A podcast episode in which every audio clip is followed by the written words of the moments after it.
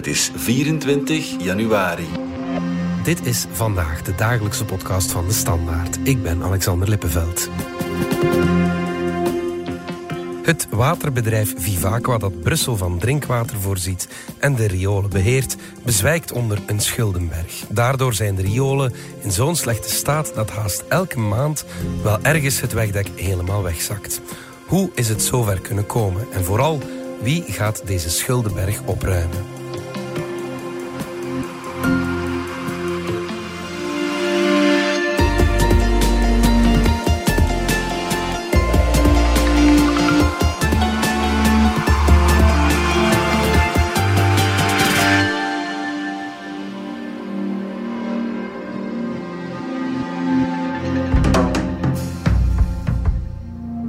Hoort het, ik ben een beetje verkouden en een beetje hees. Thee met honing en gember helpt allemaal niet, maar uh, we slaan er ons wel door. Pieter van Malen van onze Binnenlandredactie. Jij woont in Brussel.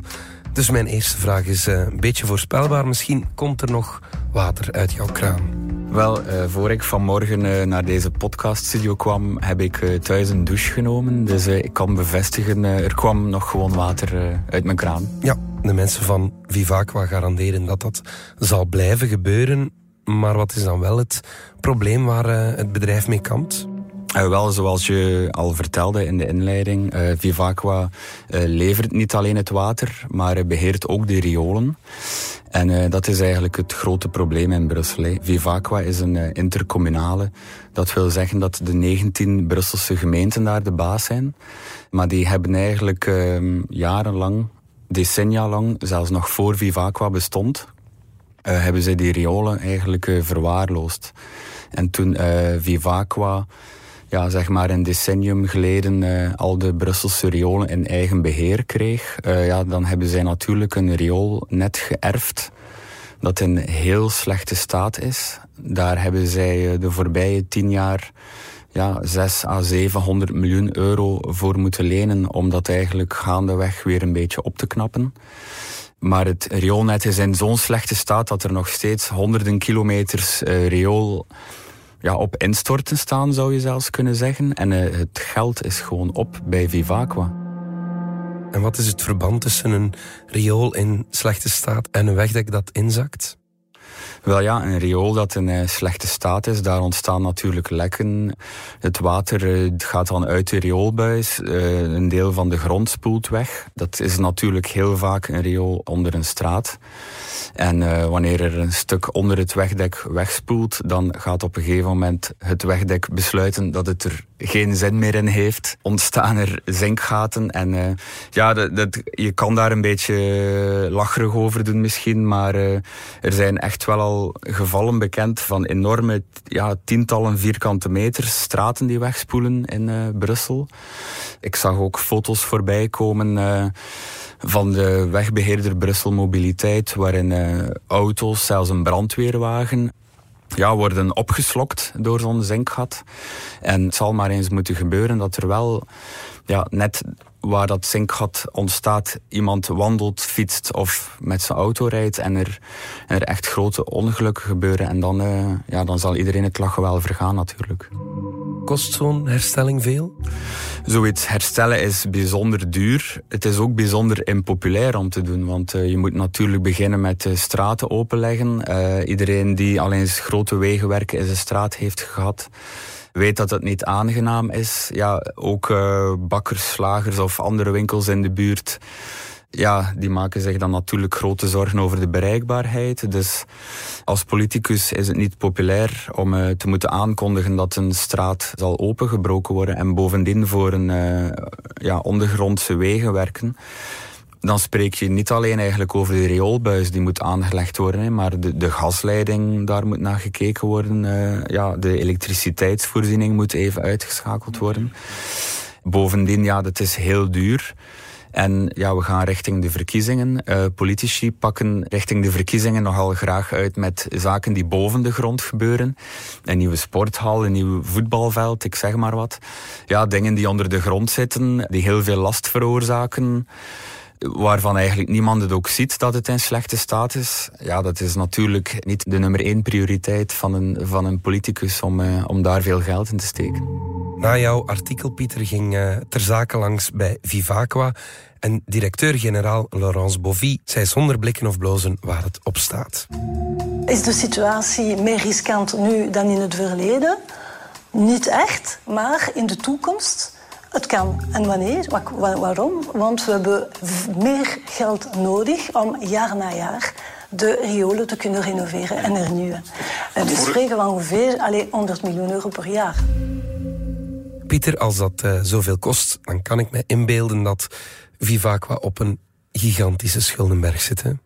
Ja, Vivaqua heeft dus sinds vorig jaar meer dan een miljard euro schulden. Dat is echt een gigantisch bedrag. Hè. Als je weet dat het, ja, het heeft zo'n 400.000 eh, abonnees in vergelijking met uh, elektriciteit of gas is, is water eigenlijk heel goedkoop. Komt daar nog eens bij dat Brussel de laagste watertarieven heeft van uh, heel België. En dat Vivaqua ook aan handen en voeten gebonden is, omdat er geen wetgeving is die hen toelaat om de watertarieven automatisch te indexeren. Dus telkens als er uh, enorme kostenstijgingen zijn, moeten zij aan de Brusselse beleidsmakers telkens vragen van mogen wij dit jaar indexeren. En bij Vivaqua hoor ik dan wel van, ja, dat zorgt voor enorme vertragingen. Als de inflatie 1 à 2 procent is, dan valt het wel op te vangen. Maar we hebben allemaal gezien de voorbije jaren waar de inflatie ja, hoger dan 10 procent. De kosten bij Vivaqua zijn dus ook enorm gestegen. Uh, niet alleen het onderhoud van de riolen, maar ook het betalen van de lonen is voor hen steeds onmogelijker geworden. Hoeveel mensen werken er bij het bedrijf? Daar werken ongeveer 1500 mensen. Uh, dat is ook niet zo verwonderlijk natuurlijk, want ja, het is echt een productiebedrijf. Hè, dus het water moet opgepompt worden. Dat gebeurt helemaal in de Ardennen. Dat moet dan naar Brussel worden gebracht, hier worden verdeeld. Alles moet onderhouden worden en zo. Dat kost gewoon inderdaad heel veel geld. En waar haalt Vivaqua zijn inkomsten? De enige inkomsten die Vivaqua heeft, uh, dat komt uit de verkoop van water. Zowel aan particulieren als aan... Uh, ze verkopen ook wel nog een klein deeltje van hun water aan uh, Vlaanderen en Wallonië. Ja, dat zijn groothandelsprijzen, dat, daar verdienen ze eigenlijk ook heel weinig mee.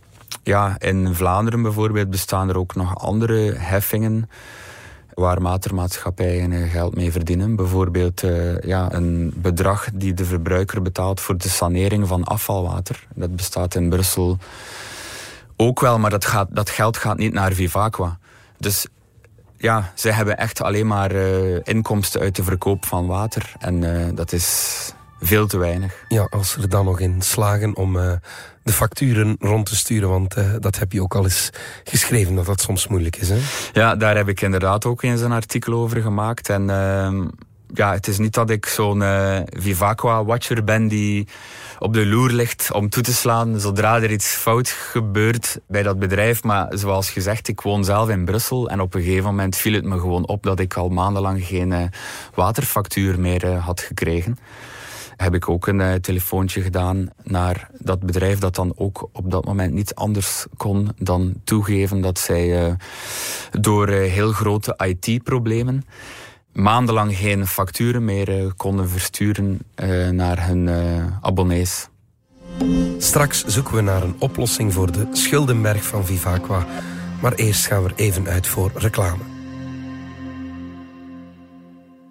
Gaat in het begin van het nieuwe jaar jouw autohart ook altijd sneller kloppen?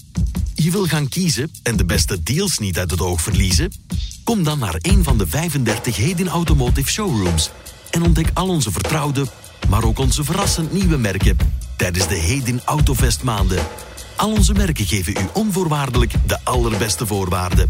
Meer info op hedinautomotive.be. Hedin Automotive. More for you.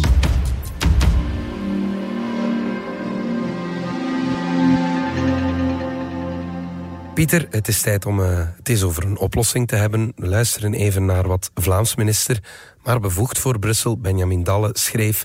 Onze collega Lise las dat even in. Deze kwestie is een typische illustratie van het bevoegdhedenprobleem in Brussel. Met verschillende instanties die naar elkaar kijken en er uiteindelijk niets gebeurt. De gemeenten zijn bevoegd voor Vivaqua, maar hebben de voorbije jaren duidelijk onvoldoende geïnvesteerd in het rioolnet. Daarom wordt het hoog tijd dat het Brussels gewest onze watervoorziening, riolenstelsels en afvalwaterbeheer in handen neemt. Schaf intercommunales zoals Vivaqua af. Die hebben in een stadsgewest als Brussel geen enkele zin en zorgen alleen voor een nodeloze verhoging van de complexiteit. Maak het gewest verantwoordelijk voor de coördinatie en de financiering. Pieter Benjamin Dalle is eigenlijk ook niet bevoegd, want hij is een Vlaams minister, maar het is wel een voorstel dat ook andere partijen al naar voren schuiven. Laat het Brussels gewest betalen.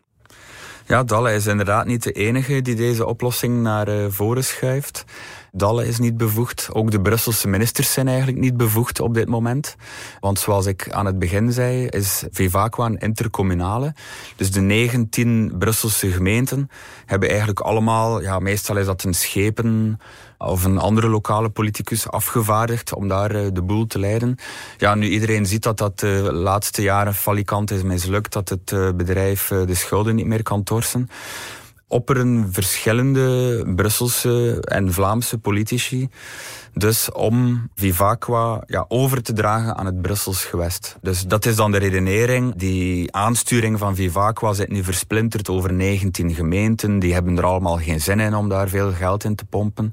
Sterker nog, veel van die Brusselse gemeenten zijn ook bij de armste gemeenten van België. Dus die, zelfs al zouden ze willen, die hebben het geld niet om daar eh, de boel te redden.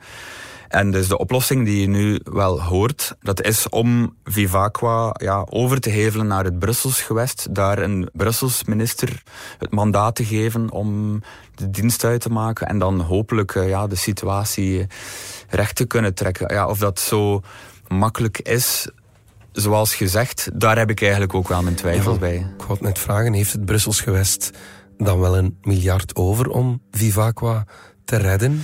Wel ja, bij Vivaqua zelf zeiden ze me al van... Uh, het wordt gezegd, maar het is zeker geen mirakeloplossing. Want uh, als je Vivaqua nu overhevelt naar een andere overheid... die schulden die bestaan nog altijd. Het rioolnet is nog altijd in slechte staat. Hè, 500 kilometer is eigenlijk in slechte staat. En daarvan hebben ze bijvoorbeeld 14 kilometer kunnen uh, renoveren vorig jaar. Dus aan dat tempo zijn we nog, uh, nog jarenlang bezig. Ja, die problemen die verdwijnen niet als sneeuw voor de zon. Alleen maar omdat er in plaats van een schepen, een minister daar de baas zal zijn. Daar komt dan ook nog eens bij dat het Brussels gewest zelf ook grote financiële moeilijkheden heeft. Uh, ook met een paar uh, projecten zit die heel veel geld opslorpen. Denk aan de aanleg van de nieuwe metrolijn, aan de renovatie van de autotunnels. Dat zijn ook allemaal miljardenkosten. Het Brussels gewest heeft een enorme staatsschuld. Bovendien, die 1 miljard euro, als ze dat nu ook nog eens overnemen op de kleine Brusselse begroting, is dat een gigantisch bedrag dat er opnieuw bij komt. De vraag is dus maar of Brussel daarop zit te wachten. Ja, en het antwoord is duidelijk nee. Het is op zich wel bijzonder dat het nu geopperd wordt, dat Vivaqua zal overgedragen worden naar het gewest.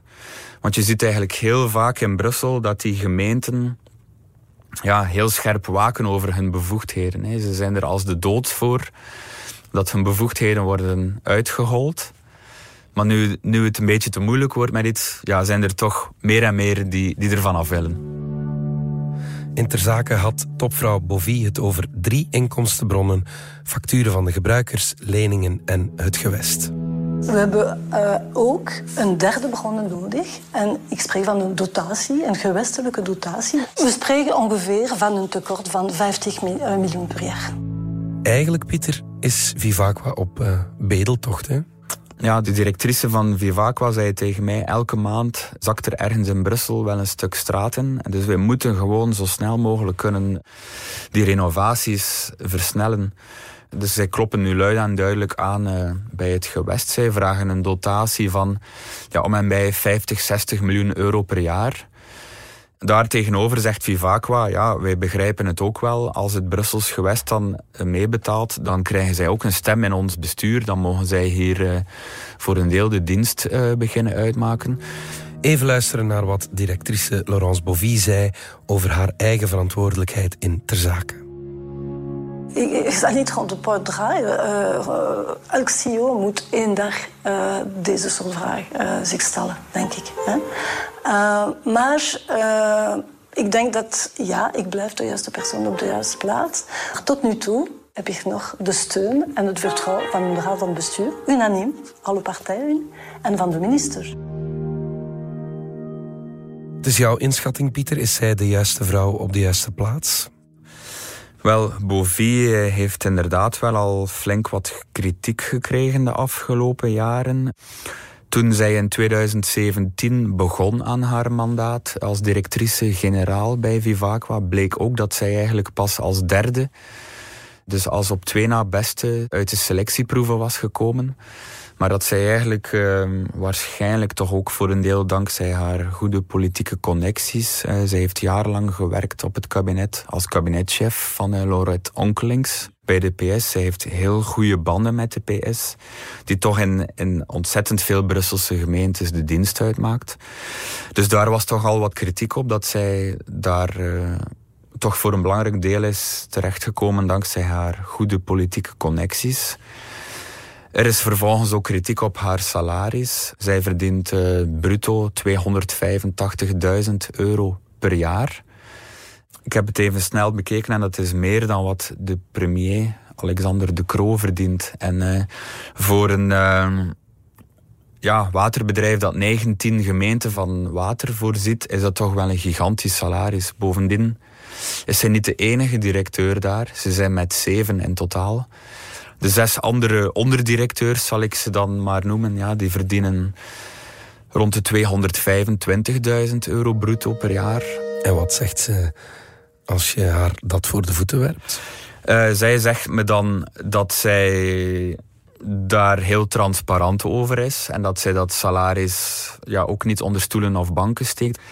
Zij zegt ook, Vivaqua heeft ja, om en bij de 400 miljoen euro uitgaven per jaar waarbij ze dan voorzichtig insinueert dat die 300.000 die naar haar gaat, daar dan misschien maar een klein deel van is. Ja, het is niet uh, dat het probleem van de Brusselse riolen opgelost is natuurlijk als we de chef een beetje minder betalen. Hè? Integendeel, toen ik uh, vorige week uh, rondbelde voor mijn artikel om reacties te verzamelen, merkte ik wel dat zowel vriend als vijand eigenlijk echt lovend is over haar. Die financiële problemen die heeft zij ook geërfd. Ja, dat is historisch zo uh, scheef gegroeid. Zij probeert daar inderdaad ook wel wat pijnlijke hervormingen uh, door te voeren. Hè. Een van de redenen waarom het zo moeilijk gaat bij Vivaqua om daar schoon schip te maken, is omdat veel werknemers zijn daar vroeger statutair bevoegd. Die hebben dezelfde soort bescherming als ambtenaren. Die zijn heel moeilijk te ontslaan, zelfs als ze slecht functioneren. Zij heeft na haar aantreden daar tabula rasa meegemaakt. En nieuwe werknemers die zij aanwerft, eh, die zijn wel gewoon als contractuelen aan de slag. Die kunnen ontslagen worden na een uh, slechte evaluatie. Dat klinkt heel logisch, maar dat was dus vroeger niet de bedrijfscultuur uh, bij Vivaqua. En zij heeft daar dus toch wel op dat vlak zeker voor een ommezwaai gezorgd. Maar uh, ja, het is gewoon te weinig om, om nu die problemen op te lossen. Het viel mij wel op. Ze zijn ook heel open geweest naar jou toe over hun probleem. En dat is toch ja, geen fijne communicatie om te voeren als bedrijf natuurlijk. Nee, inderdaad. Uh, kijk, uh, Laurence Bovie heeft heel open uh, tegen mij gecommuniceerd, heel eerlijk over de problemen die er zijn. Ik vermoed dat het zelfs een beetje deel uitmaakt van de strategie van het bedrijf. de problemen zijn daar nu zo groot. Ja, het wordt toch wel een gevaarlijke situatie met zinkgaten. Ik zeg het, het klinkt misschien wel een beetje grappig, ergens een, een, gat in de grond naar niks. Maar er kunnen echt wel gewonden vallen. Dat raakt daar maar niet opgelost. Integendeel, ze, ze komen steeds meer in vieze papieren. En ik denk dat het een strategie toch was om dat nu even aan de grote klok te hangen. Om echt wel ja, daar wat ophef rond te veroorzaken. En we zien ook wel dat het werkt. Hè. Voor het eerst ooit zijn er Brusselse gemeenten die luidop zeggen van... Uh, voor ons mag Vivaqua eigenlijk wel richting het gewest gaan. Ja, natuurlijk Pieter. Het zijn straks verkiezingen. Eerst voor het gewest, daarna ook voor de 19 Brusselse gemeenten. Dus nu weet iedereen wel dat er een probleem is. Iedereen weet het nu, het staat nu op de agenda. En uh, het zou nu dus zomaar eens kunnen dat een probleem dat jarenlang letterlijk onder de grond is gebleven, toch wel een, uh, een rol zal spelen tijdens de komende verkiezingsmeetings. Ja, waar een uh, beetje riooljournalistiek al niet goed voor kan zijn. Pieter van Malen, dankjewel. Met plezier gedaan. Dit was vandaag de dagelijkse podcast van De Standaard. Bedankt voor het luisteren. Volg ons op Spotify, Apple Podcast of eender welk ander podcastplatform. In onze gratis FDS podcast kan je niet alleen ons werk beluisteren, maar ook de beste podcasttips terugvinden. Alle credits van de podcast die je net hoorde vind je op standaard.be-podcast. Reageren kan via podcast.standaard.be.